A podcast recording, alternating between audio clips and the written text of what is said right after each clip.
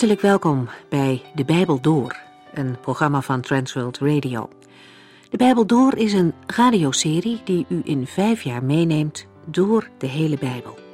Van Genesis 1 tot Openbaring 22.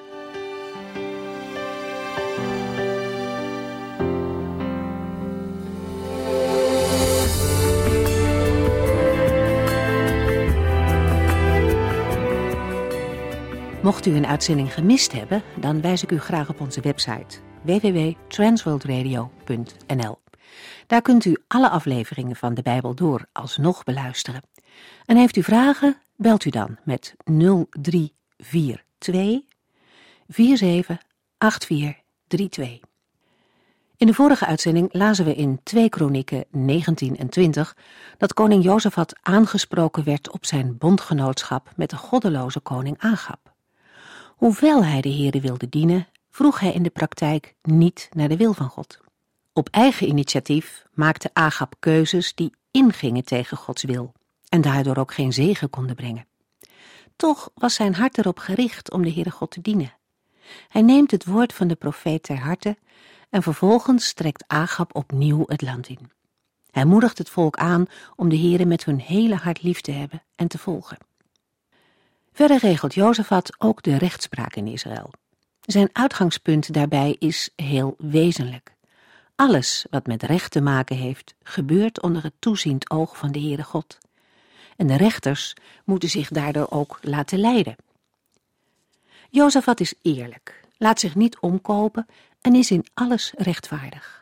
En dat moet ook de rechtspraak van Gods volk kenmerken. De wet van God is basis voor het recht en men moet zich verre houden van corruptie. Anders staat men zelf schuldig tegenover God. Jozefat eindigt zijn redenvoering met de woorden: Wees niet bang op te komen voor de waarheid en het recht, en God zal u gebruiken om de onschuldigen te verdedigen. En dat is nog steeds een goede uitgangspositie voor de rechtspraak, maar het is ook een goed uitgangspunt voor conflict situaties in het gewone leven. In hoofdstuk 20 hebben we de indrukwekkende geschiedenis gelezen van de overwinning die Jozefat behaalde op de vijand. Hij zocht de hulp van de Heere God, en terwijl ze door een enorme overmacht bedreigd werden, prees het hele volk de Heere. De overwinning was geweldig.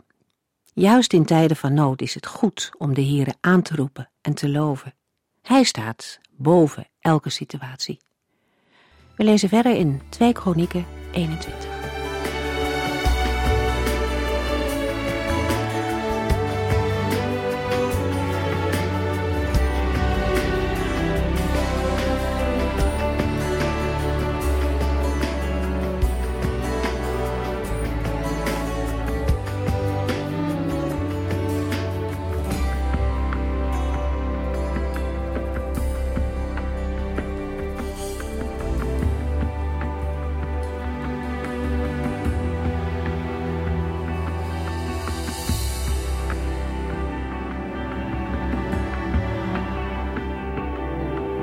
In de eerste verse van 2 Kronieken 21 wordt de dood van Jozefat vermeld en zijn begrafenis op de koninklijke begraafplaats in Jeruzalem.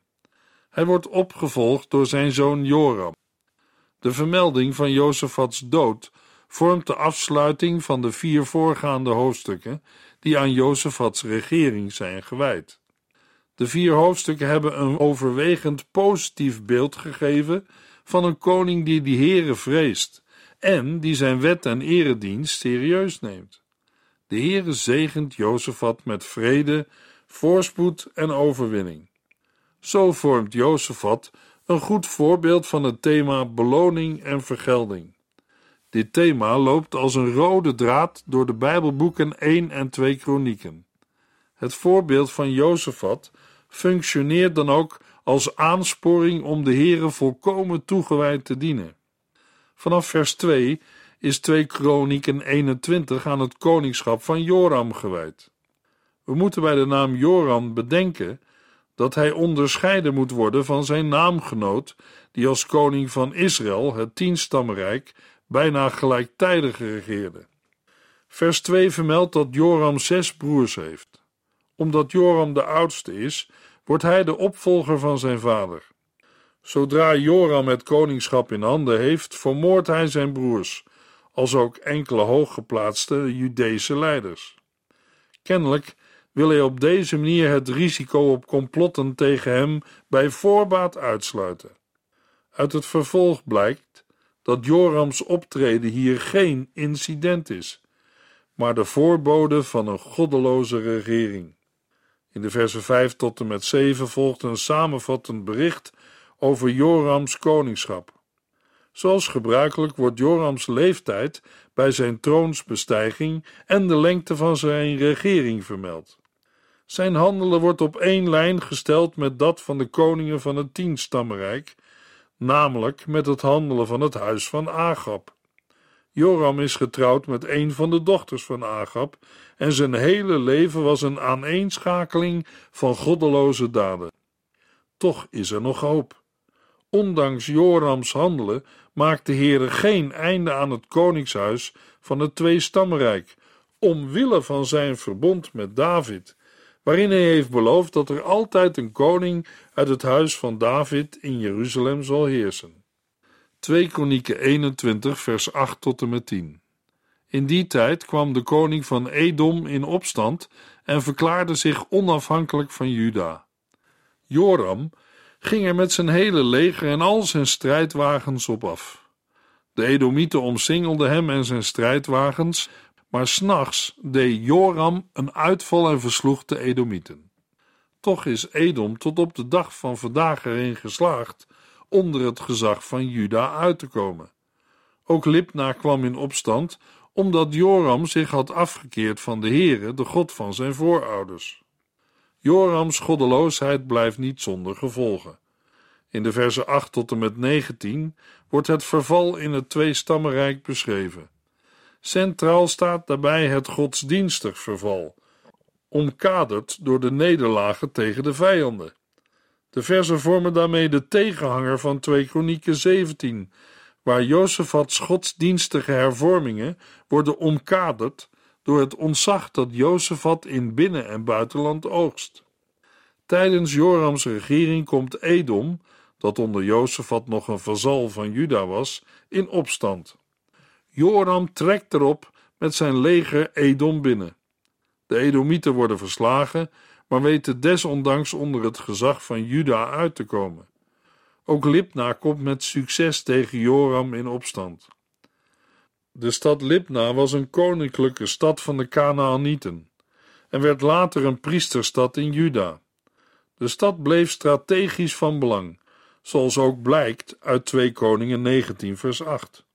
Nadrukkelijk wordt de reden voor het verlies van Edom en Libna vermeld. Joram heeft de Heere de God van zijn vaderen verlaten. 2 Kronieken 21 vers 11 En wat nog erger was, Joram bouwde afgoden tempels in de heuvels van Juda en verleidde de inwoners van Jeruzalem zijn slechte voorbeeld te volgen en afgoden te vereren. Hoe terecht deze beschuldiging is, blijkt uit het feit dat hij in het gebergte van Juda afgodentempels bouwde en de inwoners van Juda en Jeruzalem aanzet tot afgoderij. Daarop gebeurde het volgende.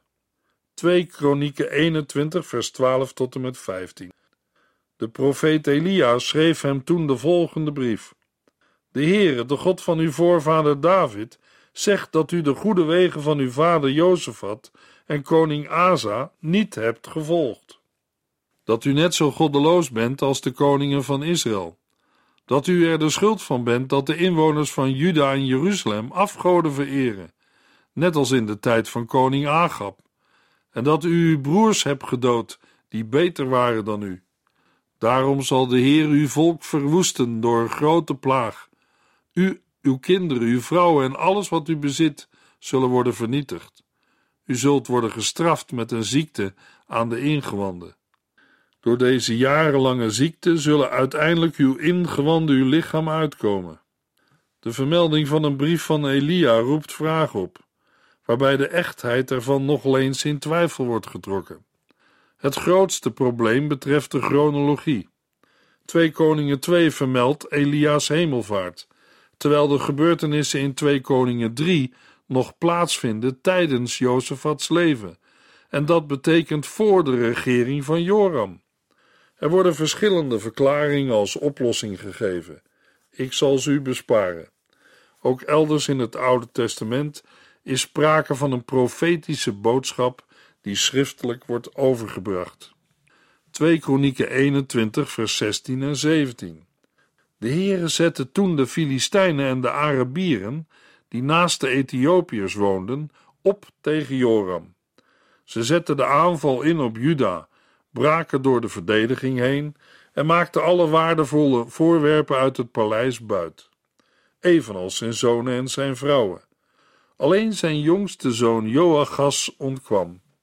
Het profetisch woord wordt bewaarheid. De Filistijnen en de Arabieren, over wie eerder gezegd werd dat zij tegen Jozefat geen oorlog durfden te beginnen en hem rijke geschenken brachten, worden nu door de heren opgehitst ten strijde te trekken tegen Juda.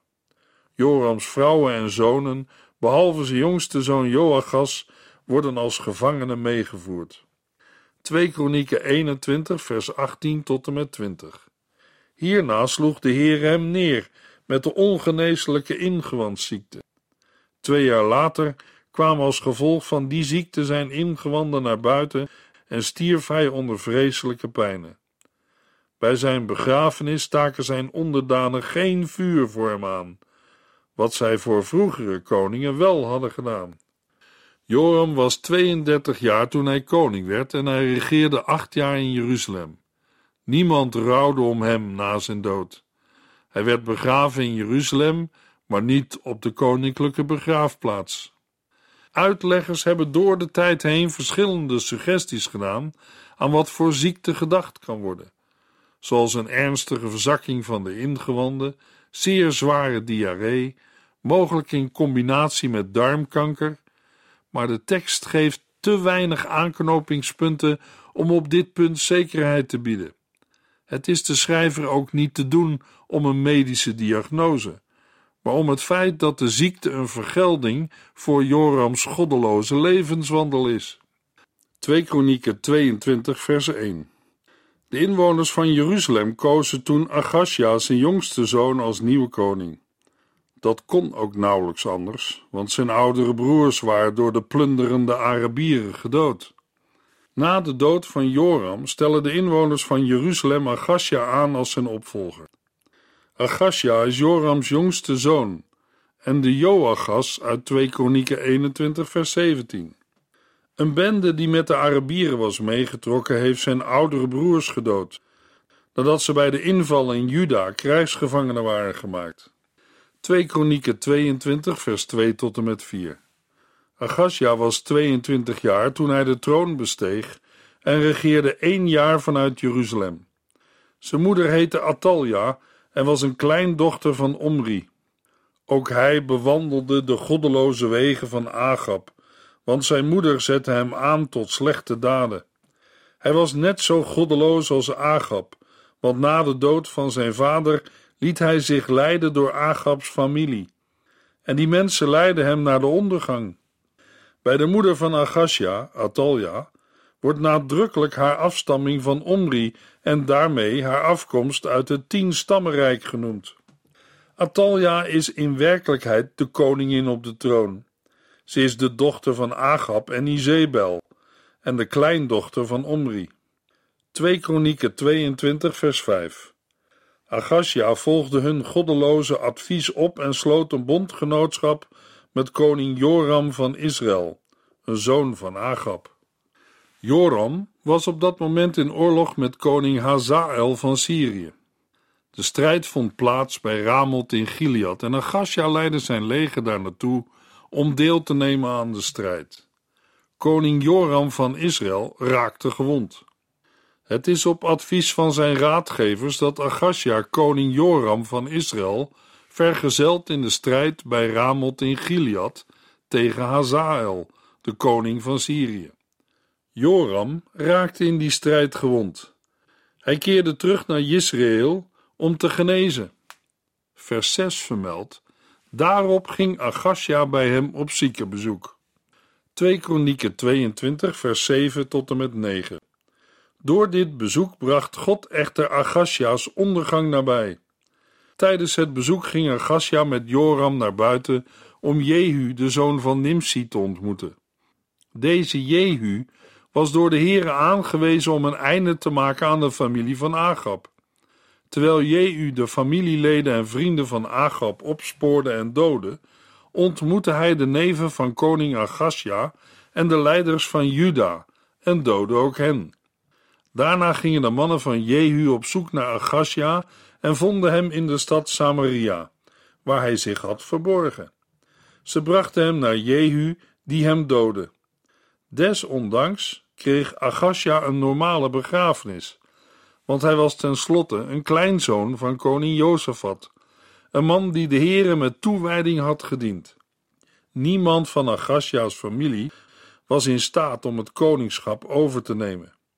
Het bezoek is door de Heere beschikt en leidt tot Agasja's ondergang in de staatsgreep van Jehu, die door de Heer is gezalfd om een einde te maken aan het koningshuis van Agab.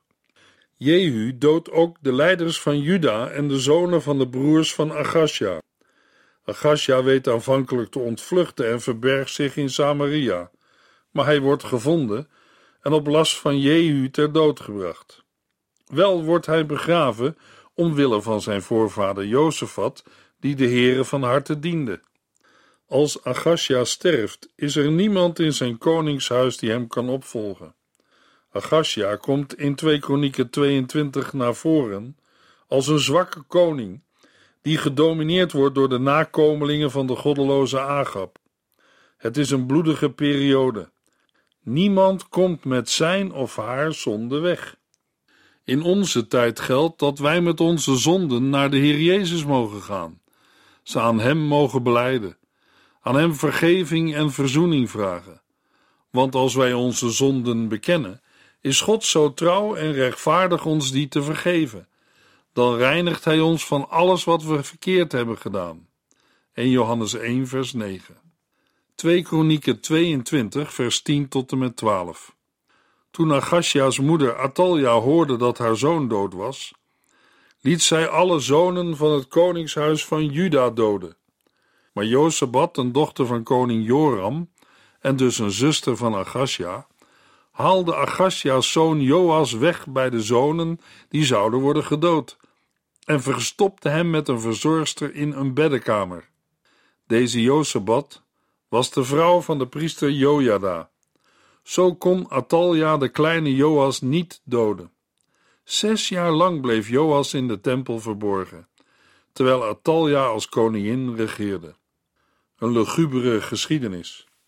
Want Atalja laat haar eigen kleinkinderen vermoorden. Ze liet ze allemaal doden op één na, omdat ze die niet kon vinden. Alleen Agasja's jongste zoon Joas, een baby nog, ontsnapt aan de dood, doordat zijn tante Josabat, de zus van Agasja, en de vrouw van de hoge priester Jojada hem in het geheim verstopte. Ze geeft die jongen aan zijn voedster, die zich schuilhoudt in het vertrek van de bedden en het beddengoed, en houdt hem zo verborgen voor Atalja. Zes jaar wordt Joas verborgen gehouden, terwijl Atalja over Juda regeert. Het motief van een kind dat verborgen blijft voor zijn moordenaars, maar later redding zal brengen, speelt ook een rol bij Mozes en bij Jezus. Het laat zien dat geen aardse macht hebben, hoe tyranniek deze zich ook opstelt, Gods plan kan tegenhouden. Als dit niet gebeurd was, zou de lijn van David zijn afgesneden. En Gods belofte aan David over de komst van de Messias zou nooit zijn ingelost. Telkens weer probeert Satan de familielijn die naar Christus zal leiden door te snijden. U zult zich herinneren hoe Satan probeerde de lijn te vernietigen die naar Christus zou leiden, toen alle mannelijke baby's in het land Egypte gedood moesten worden. Hij probeerde alle Joden uit te roeien in de tijd van Haman. In de tijd van het Nieuwe Testament probeert Satan het door koning Herodes, nadat Jezus was geboren, met de kindermoord in Bethlehem. In 2 Kronieken 22 is er nog maar één overlevende over, de kleine Joas. Hij was één jaar oud toen hij werd verborgen in de tempel en moest er zes jaar blijven. 2 Kronieken 23 vers 1 In het zevende regeringsjaar van koningin Atalja raapte de priester Jojada al zijn moed bij elkaar en nam enkele legerofficieren in vertrouwen. Dat waren Azarja, de zoon van Jerogam, Ismaël, de zoon van Johanan, Azarja, de zoon van Obed, Maasea, de zoon van Adaya, en Elisafat, de zoon van Sigri. Jojada komt in actie. In de verse 1 tot en met 10 wordt het plan meegedeeld voor de op handen zijnde staatsgreep. Jojada sluit een overeenkomst met enkele legerofficieren. Zij gaan rond door Juda om de levieten en de familiehoofden bijeen te roepen in Jeruzalem. Als ze in de tempel bij elkaar zijn, zweren zij trouw aan de jonge koning Joas. Jojada spreekt hun daarbij toe met woorden die herinneren aan de belofte van de Heer aan David, namelijk dat er altijd iemand op Davids troon zou regeren. Daarmee verwoordt Jojada het motief voor de op handen zijnde staatsgreep, want nu regeert er iemand uit Agabs huis. Jojada deelt zijn plan voor de staatsgreep mee. Deze zal plaatsvinden op een sabbat, als de ene afdeling levieten de andere afwisselt, zodat de aanwezigheid van zoveel levieten en de bedrijvigheid in de tempel geen argwaan wekken. Van de priesters en levieten die dienst doen op de sabbat, moet een derde deel de poorten bewaken van de tempel, waar de nieuwe koning zich schuilhoudt. Een derde deel zich opstellen in het koninklijk paleis en een derde deel in de benedenpoort. Het volk zelf moet zich opstellen in de voorhoven van de tempel. Zo moet zelfs in deze bijzondere situatie de dienst van de Heere geëerbiedigd worden. De levieten moeten zich gewapend opstellen rondom de nog zeer jonge koning en ieder doden die toch de tempel wil binnengaan. Zo functioneert de heiligheid van de tempel als bescherming voor de nieuwe koning zolang het welslagen van de staatsgreep niet zeker is. De Levieten treden daarbij op als persoonlijke lijfwacht van de nieuwe koning. Waar hij ook gaat, moeten zij hem vergezellen. 2 Kronieken 23 vers 11 Toen brachten zij de jonge prins naar buiten, zetten hem de kroon op het hoofd, gaven hem een afschrift van de wet van God in de hand en riepen Joas uit tot koning. Lang leven de koning, klonk het toen Jojada en zijn zonen Joas salfden. Als de dag van de samenzwering is aangebroken, volgt ieder nauwkeurig de instructies van Jojada op. Er wordt een gewapend cordon ten bescherming rondom de nieuwe koning gevormd. Dan wordt Joas naar buiten gebracht vanuit het tempelhuis naar het tempelplein. Hij ontvangt een kroon en een afschrift van de wet. Vervolgens salve Jojada en zijn zoon Joas tot koning, en heel het aanwezige volk roept uit: Lang leven de koning! 2 Kronieken 23, vers 12 tot en met 15. Koningin Atalja hoorde het lawaai en de vreugdekreten voor de koning, en ze ging snel naar de tempel om te zien wat er gebeurde. En daar stond de jonge koning naast zijn pilaar bij de ingang van de tempel omringd door legerofficieren en trompetters. Mensen uit het hele land stonden er blij zingend omheen en de zangers zongen hun lied, begeleid door een orkest dat de melodie van een lofzang speelde. Atalja scheurde haar kleren en riep: Verraad! Verraad! Breng haar naar buiten en dood haar, schreeuwde Jojada de legerofficieren toe. Maar niet hier in de tempel. En dood ieder die probeert haar te helpen. Ze kregen haar te pakken bij de paardenstallen van het paleis en doden haar daar. Nu de machtswisseling een feit is, sluit Jojeda een verbond waarin zij zich verbinden een volk van de Here te zijn. 2 Kronieken 23 vers 16 Daarna sloot Jojeda een plechtige overeenkomst dat hij, de koning en het hele volk voortaan de Here zouden toebehoren.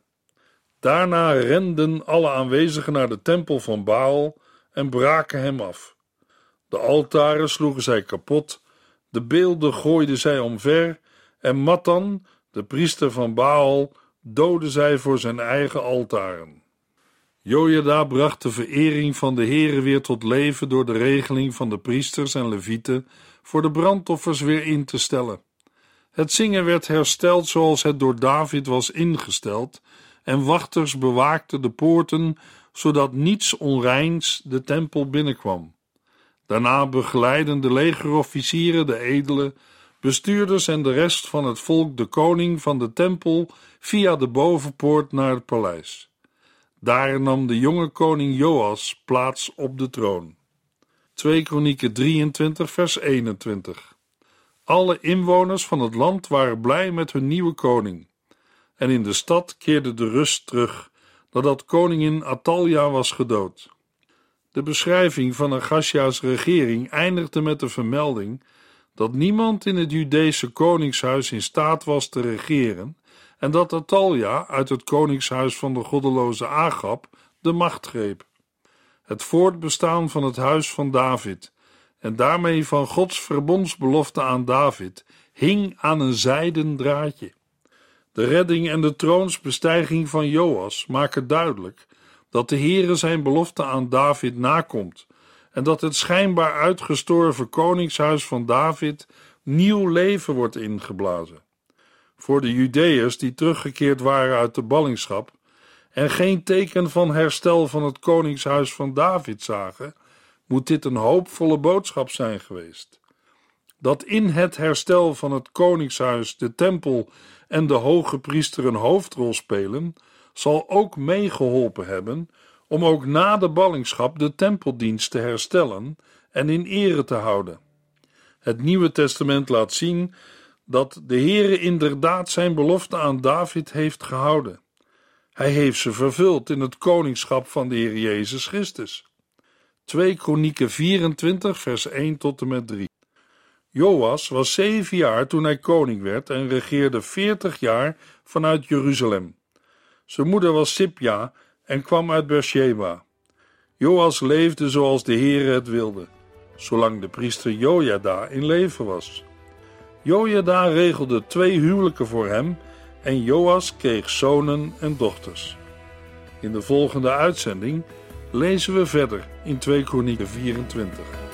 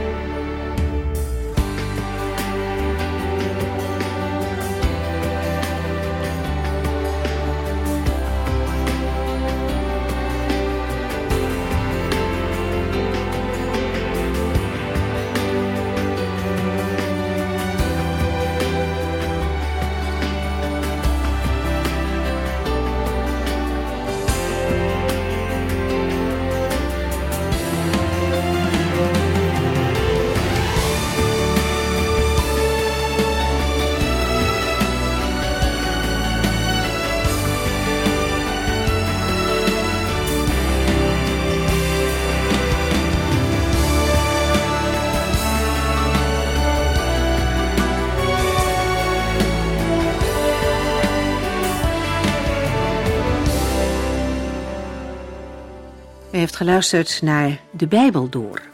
In het Nederlands vertaald en bewerkt door Transworld Radio. Een programma waarin we in vijf jaar tijd de hele Bijbel doorgaan. Als u wilt reageren op deze uitzending of u heeft vragen, dan kunt u contact met ons opnemen. Tijdens kantooruren kunt u bellen op 0342 47 8432.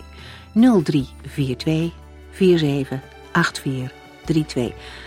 Ook kunt u een e-mail sturen naar de Bijbel door transworldradio.nl en natuurlijk kunt u ook via de post ons bereiken.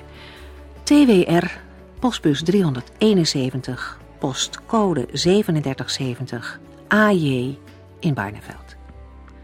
Dit programma werd gepresenteerd door Cor Weda en Ike André. Techniek was in handen van Odin van Woerdekom. En wij allemaal bedanken u voor het luisteren.